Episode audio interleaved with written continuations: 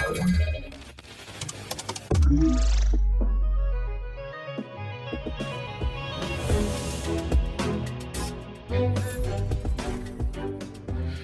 halo, tu mówi Warszawa w podcaście Cyber Cyber Fundacji Bezpieczna Cyberprzestrzeń. Witam Was bardzo serdecznie. Jest to nasz kolejny odcinek e, Cyber Cyber Raport, a więc doniesienia, które zdarzyły się w ostatnim tygodniu. Audycję prowadzi Cyprian Gutkowski. Witam Was bardzo serdecznie. No i tak naprawdę ja przygotowałem dla Was kilka informacji, które są moim zdaniem dość ciekawe i warto nad nimi Y, się chwilkę pochylić. Oczywiście linki do tych informacji znajdziecie też pod naszym podcastem. A cóż takiego przygotowałem dla Was dziś? Mitre publikuje nową listę 25 najbardziej niebezpiecznych błędów oprogramowania. Pięć rzeczy, które CISO powinien wiedzieć o zabezpieczeniu środowisk OT. No, tutaj z Polski atak hakerski w Olsztynie sparaliżował miasto. I wreszcie na koniec rosyjski dyrektor do spraw bezpieczeństwa aresztowany za rzekomą rolę w hakerstwie z 2012 roku, czyli 10 lat temu. Mega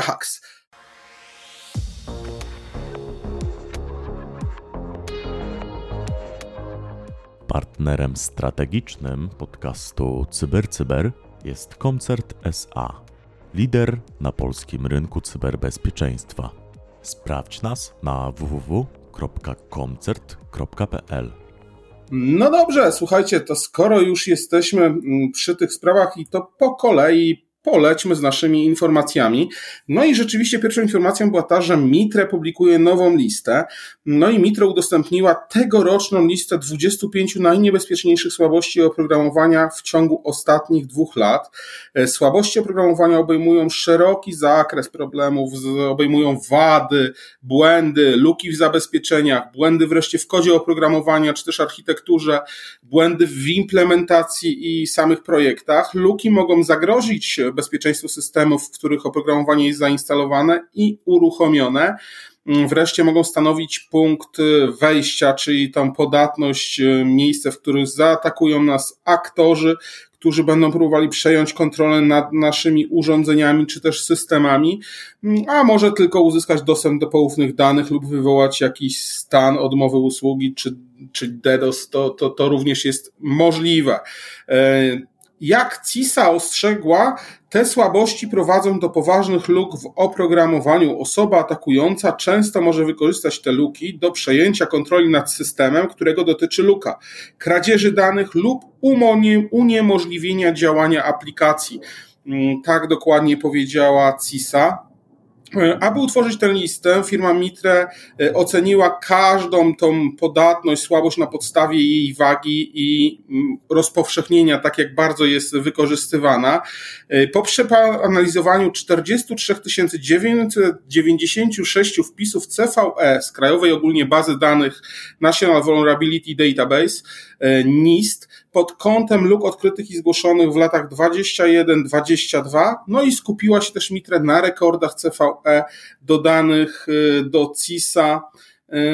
Były to znane luki KFV to po procesie zbierania, określenia zakresu i ponownego mapowania zastosowano formułę punktacji do obliczenia kolejności słabości, która łączy częstotliwość, czyli liczbę przypadków, w których CVE jest podstawą, przyczyną luki, ze średnią dotkliwością każdej z tych luk, y, gdy zostają wykorzystane tak powiedziało Mitre, że w taki sposób metodyka właśnie wybrania mm, poszczególnych luk y, była.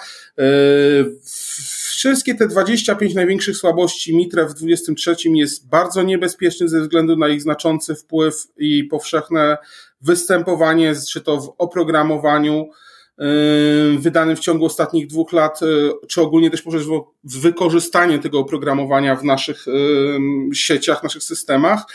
Mm, zbudowanych specjalnie po to, by służyły nam do czegoś i zapewniały jednocześnie bezpieczeństwo użytkownikom i samym sobie. Mm, udostępniając tę listę, Mitre zapewnia szerszej społeczności cenne informacje, które dotyczą najbardziej właśnie krytycznych, słabych punktów bezpieczeństwa e, i wymagają tak naprawdę mm, no, natychmiastowej zmiany, a przynajmniej zwrócenia uwagi i śledzenia pewnych procesów, które tego dotyczą. Oczywiście całą listę tych 25 największych słabości możecie zobaczyć w linku, jest ona mm, dostępna. Polecamy do zapoznania się. Kolejny temat to pięć rzeczy, które CISO powinien wiedzieć o zabezpieczeniu środowisk OT. Cały czas skupieni byliśmy najczęściej na środowisku IT, pozostawiając technologię OT trochę z boku, ponieważ one były w pełni odseparowane, działały sobie zupełnie z boku. Świat idzie do przodu. E, tradycyjnie właśnie niewiele przedsiębiorstw przemysłowych miało dedykowanych liderów do spraw e, cyberbezpieczeństwa. Nie było takich osób jak CISO w firmach e, produkujących, przemysłowych. Wszelkie podjęte decyzje dotyczące bezpieczeństwa spadały z reguły na kierowników zakładów i fabryk, którzy cokolwiek są wysoko wykwalifikowanymi ekspertami technicznymi, ale niekoniecznie mają wiedzę w zakresie cyberbezpieczeństwa. No a w chwili obecnej to się zmienia. W ostatnich latach wzrost cyberataków na obiekty przemysłowe trend e, konwergencji IT-OT napędzany przez przemysł 4.0 e, uwydatniły próżnie własności i odpowiedzialności za bezpieczeństwo w systemach OT. Także większość e, CISO teraz dostaje też nowe zadania. Muszą przerzucić się oni z systemów IT również na systemy OT.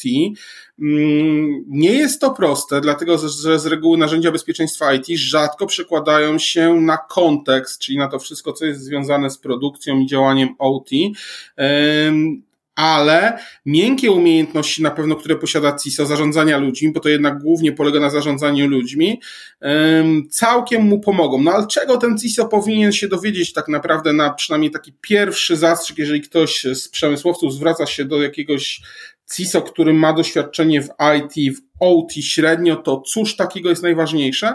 No jak czytamy w artykule, triada, czyli poufność, integralność i dostępność, no najczęściej była uważana, że właśnie ta poufność jest najważniejsza w systemach IT, dostępność troszeczkę z boku, o tyle w systemach OT właśnie jest zupełnie odwrócony ten priorytet triady. Tutaj najważniejsza jest e, dostępność. Oczywiście no, najważniejsze jest bezpieczeństwo, e, ale ta dostępność po prostu nasze systemy muszą ciągle działać i ciągle działać dokładnie. Mm, triada bezpieczeństwa, już ta odwrócona, powoduje, że te mm, dane nie są aż tak istotne w systemach, bo nic złego się nie stanie, jeżeli wyciekną e, dane ustawienia jakiegoś sterownika. E, natomiast jeżeli już ten sterownik nie będzie dostępny i nie będzie mógł realizować swoich zadań, no to mamy wtedy problem, nie możemy e, działać biznesowo, fabryka nie przynosi dochodu i wszystko świat, wszystko staje. E, oczywiście, jak na ironię, triada mm, w świecie OT zaowocowała systemami, narzędziami, które traktują priorytetowo bezpieczeństwo fizyczne, ale często są wyposażone w niewiele funkcji cyberbezpieczeństwa lub tak naprawdę nie mają ich wcale, więc zadaniem CISO będzie zidentyfikowanie i wdrożenie takich rozwiązań, e, które ochronią systemy OT przed zagrożeniami, ale jednocześnie nie zakłócą ich działania, co jest bardzo trudne, czyli na przykład takie tradycyjne testy penetracyjne czy same E, sądy, no, mogą spowodować różne rzeczy i nad tym trzeba się zastanowić i o tym trzeba pamiętać.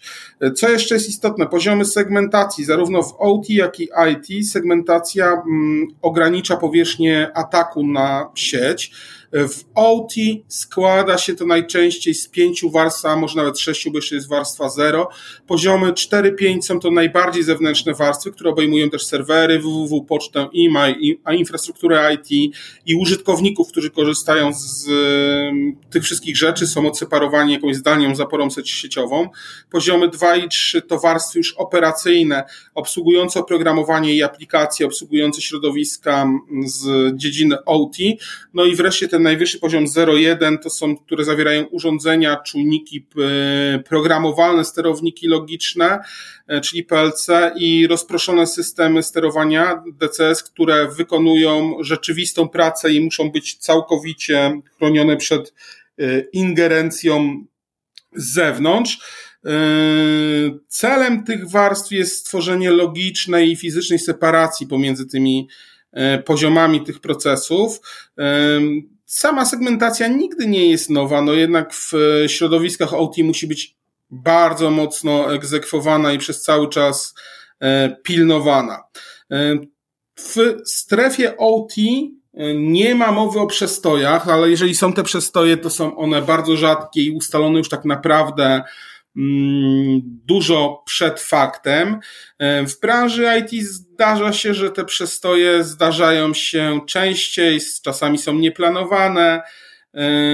Systemy OT w każdym razie muszą być zawsze gotowe do pracy. Nie można bardzo często ich zatrzymać, wstrzymywać wpuszczać jakąś poprawkę natychmiast, bo nawet jeżeli jest ona krytyczna, e, każdy proces e, wymaga odrębnego potraktowania, każdy system wymaga odrębnego potraktowania, nad tym wszystkim trzeba myśleć.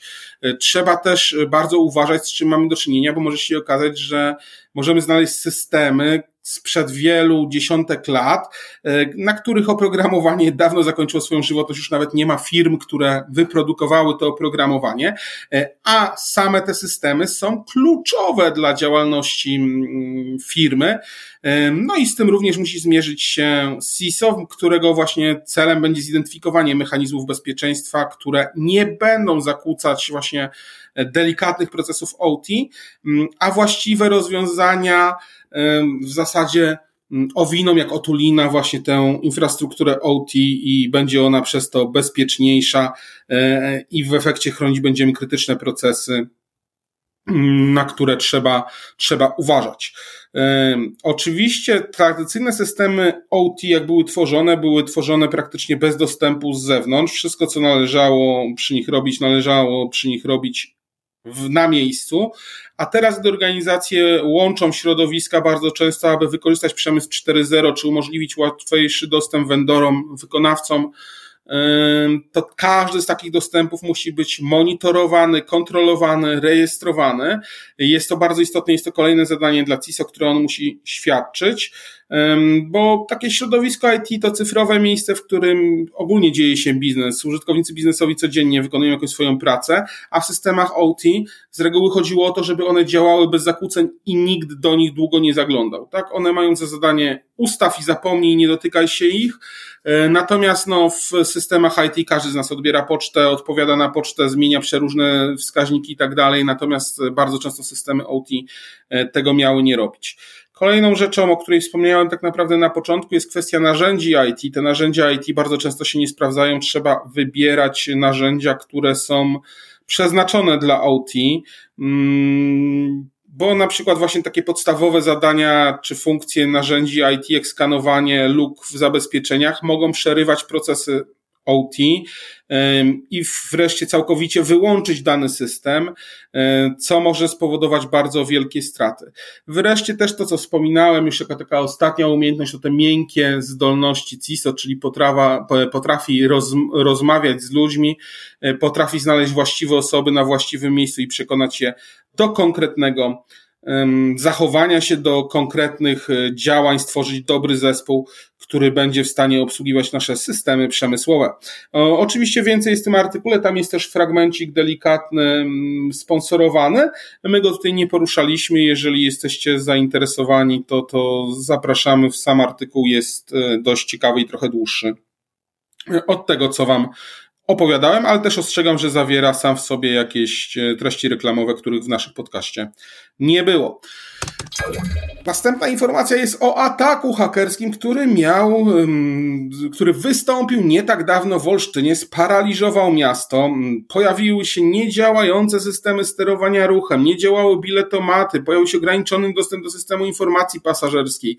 A to tylko drobne efekty ataku, który dosz, do którego doszło w nocy z 24 na 25 czerwca, jak podał Urząd Miasta Olsztyna w oficjalnym komunikacie, a władze podobno nadal walczą ze skutkami cyberataku. Bardzo mi to przypomina pewne ataki, które miały miejsce na Śląsku. Także systemy te zintegrowane biletowe strzeżcie się, aż dziw bierze, że Warszawy jeszcze nikt nie zaatakował, a może atakował, tylko Warszawa się obroniła, to gratulacje tylko większe. Natomiast e, coraz częściej obserwujemy te ataki właśnie na zarządy transportu miejskiego, ogólnie na komunikację miejską, biletomaty i tym podobne. Mm, ciekawe dlaczego, nie, nie, nie jestem w stanie tego powiedzieć, ale rzeczywiście w chwili obecnej mamy z tym do czynienia. No ale wróćmy do Olsztyna. Jako pierwszy o ataku hakerskim poinformowało radio RMFFM. Mm, powiedziało, że zauważono problemy z zakupem biletów komunikacji miejskiej oraz korki, co miało związek z tym, że nie działały po prostu światła. Był to atak na serwery Zarządu Dróg i Zieleni Transportu mm, Olsztyna. Do cyberataku miało dojść w sobotę. Pracownik tego zarządu dróg Zieleni i Transportu Olsztyna musiał przyjechać fizycznie do firmy, aby odłączyć fizycznie serwery od sieci. Czyli jakiś ransomik, coś tam się pewnie działo, czekamy cały czas na informacje, cóż mogło się wydarzyć w Olsztynie. E, jak czytamy w oficjalnym oświadczeniu Urzędu Miasta, skutkiem ataku hakerskiego są niedziałające systemy sterowania ruchem, biletomaty i ograniczony dostęp do systemu informacji pasażerskiej, e, służby miejskie e, działają, starają się naprawić całą sytuację. Pasażerowie proszeni są natomiast o korzystanie z biletów papierowych. Do wsparcia wezwany został CERT-NASK, no, powiadomiono również e, policję.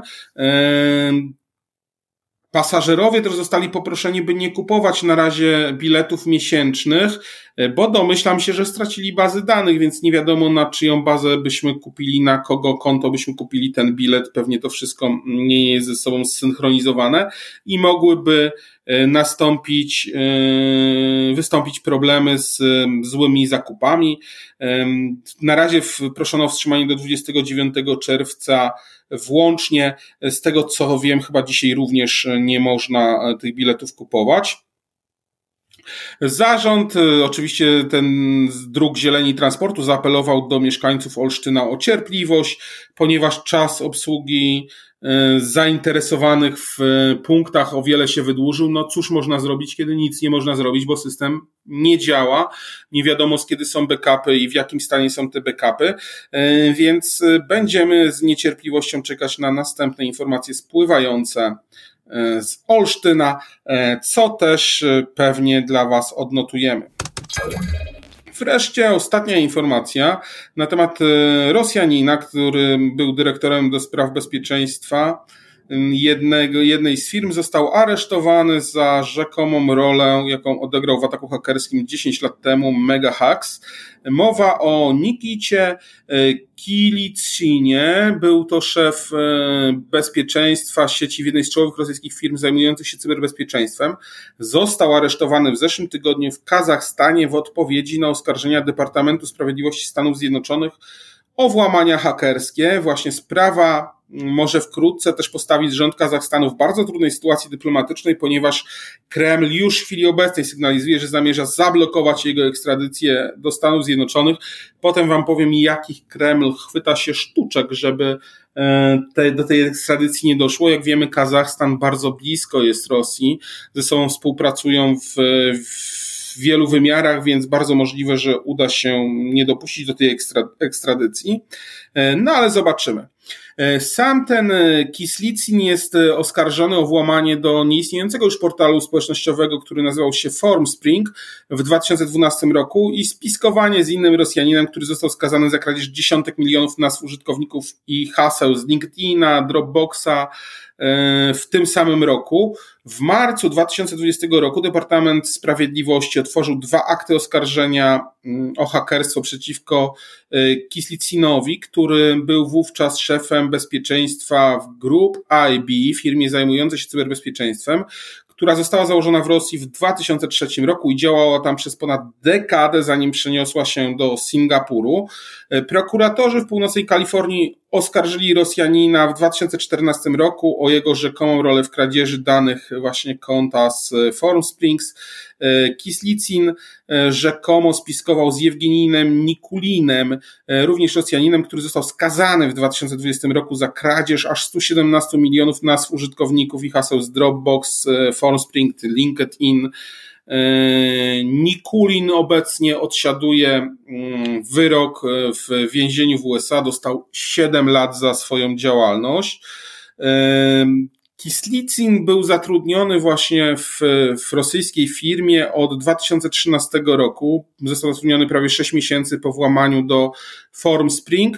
Od tego czasu grup IB przyniosła, przeniosła swoją siedzibę do Singapuru, a w kwietniu 2023 roku firma ogłosiła, że całkowicie opuściła E, rynek rosyjski, stała się niezależna. W oświadczeniu przekazanym grupa potwierdziła, że pan e, Kislicin nie jest już pracownikiem i że pracuje teraz dla rosyjskiej organizacji o nazwie FAKT, E, fakt podaje na swojej stronie internetowej, że jest rosyjskim twórcą technologii do zwalczania cyberprzestępczości, współpracuje z klientami w celu zwalczania ukierunkowanych ataków, wycieków danych, oszustw, phishingu, nadużyć marki. W oświadczeniu opublikowanym online fakt powiedział, że Kislicin jest odpowiedzialny za rozwój swojej działalności w zakresie bezpieczeństwa sieci i że pozostaje w tymczasowym areszcie w Kazachstanie. E, natomiast fakt poczynił już wszelkie możliwe środki, żeby e, Kislicina e, wyciągnąć Jesteśmy przekonani, że nie ma podstaw prawnych do zatrzymania na terytorium Kazachstanu, kontynuuje świadczenie fakt. Firma zatrudniła prawników, którzy od zeszłego tygodnia udzielają Nikicie wszelkiej niezbędnej pomocy, a także wysłaliśmy apel do Konsulatu Generalnego Federacji Rosyjskiej w Kazachstanie o pomoc w ochronie naszego pracownika. Fakt wskazał, że Kreml już interweniował w tej sprawie, a rosyjski rząd twierdzi, że Kislicin jest poszukiwany w Rosji. No patrzcie, wystawiono na nim nagle list. Yy, gończy, y, jest ścigany pod zarzutem popełnienia przestępstwa na terenie Federacji Rosyjskiej, no i musi być przekazany mm, do swojej ojczyzny, a nie do obcych Stanów Zjednoczonych, bo przecież on musi odpowiedzieć przed sądem Federacji y, Rosyjskiej. Y, Fakt podkreśla, że ogłoszenie Nikity Kislicina na liście poszukiwanych na terytorium Federacji Rosyjskiej stało się znane dopiero 28 czerwca, sześć dni po zatrzymaniu w Kazachstanie. No co za przypadek. Mm, firma ogólnie monitoruje rozwój y, sytuacji. Kreml bardzo podobnie postąpił w przypadku Aleksieja Burkowac, też e, przestępcy, który przez długi czas e, zarządzał dwoma najbardziej ekskluzywnymi czy popularnymi podziemnymi forami hakerskimi w Rosji. Burkow został aresztowany w 2015 roku przez władze izraelskie, a Rosjanie przez cztery lata blokowali jego ekstradycję do USA. Co więcej, w Rosji aresztowano nawet izraelską obywatelkę pod fałszywymi zarzutami posiadania handlu narkotykami, aby wymusić z Izraelem zamianę więźniów. Także Rosjanie zdolni są do wszystkiego. Nie ma się co dziwić. Swoją drogą to możemy się spodziewać czegoś podobnego. Natomiast myślę, że tutaj Kazachstan ulegnie, skoro to z Izraelu trwało przez 4 lata, to nie liczyłbym na ekstradycję Kislicina do e, Stanów Zjednoczonych. Natomiast jeśli w przypadku Burkowa, no w Izraelu ta próba się nie udała, został ekstradowany do Ameryki, gdzie przyznał się do winy i został skazany w Ameryce na 9 lat e, więzienia. Sytuacja ciekawa, ja jednak stawiam, że Kazachstan przestępcę odda Federacji Rosyjskiej, no bo przecież popełnił przestępstwo, a przynajmniej jest on nieposądzony na terenie Federacji Rosyjskiej, a jeżeli to przestępstwo na przykład morderstwa, no to ewidentnie mm, powinien odpowiadać w swoim kraju, bo dodatkowo mamy tutaj wyższą karalność, więc rzeczywiście tak, no potem oczywiście zostanie uniewinniony bo ktoś się pomylił. No dobrze, słuchajcie, to na tyle, jeżeli chodzi o Cyber Cyber Raport. Zbliżają się wakacje. Czy Cyber Cyber Raport będzie wychodził co tydzień? Chyba nie, natomiast na pewno możecie być przygotowani, że nie zapomnimy przez te dwa miesiące o Was i będą ukazywały się podcasty. E, będą ukazywały się podcasty procesowe, techniczne. Mm, w jakiej częstotliwości dokładnie nie wiem, ale o tym będziemy Was informować na bieżąco. Na razie to wszystko. Ja przypominam Wam jeszcze o SCS-ie, który, który już będzie 13 września w Warszawie. Security Case Study jest to konferencja dotycząca cyberbezpieczeństwa, bazująca właśnie na case study, e, gdzie wybitni prelegenci opowiedzą o tym, co ciekawego e, działo się w bezpieczeństwie, e, w jaki sposób reagować, w jaki sposób budować prewencję. O tym wszystkim i o wielu, wielu ciekawych rzeczach i o eventach, jak choćby finał Ligi Cybertwierdzy, mm, dowiecie się na SCS-ie. Zachęcam Was do odwiedzania stron SCS-a i do kupowania wejściówek, czy też zapisywania się na wejściówki na tę konferencję, która powraca w wersji stacjonarnej. Ostatnia odbywała się w wersji internetowej, w wersji wirtualnej, e, dlatego Was na nią bardzo serdecznie zapraszam. To tyle. E, Cyprian Gutkowski mówił dla Was. E, cieszę się, że mogliście mnie posłuchać i że wytrzymaliście ze mną tyle. Do zobaczenia. Pozdrawiam Was serdecznie. Cześć, bądźcie bezpieczni.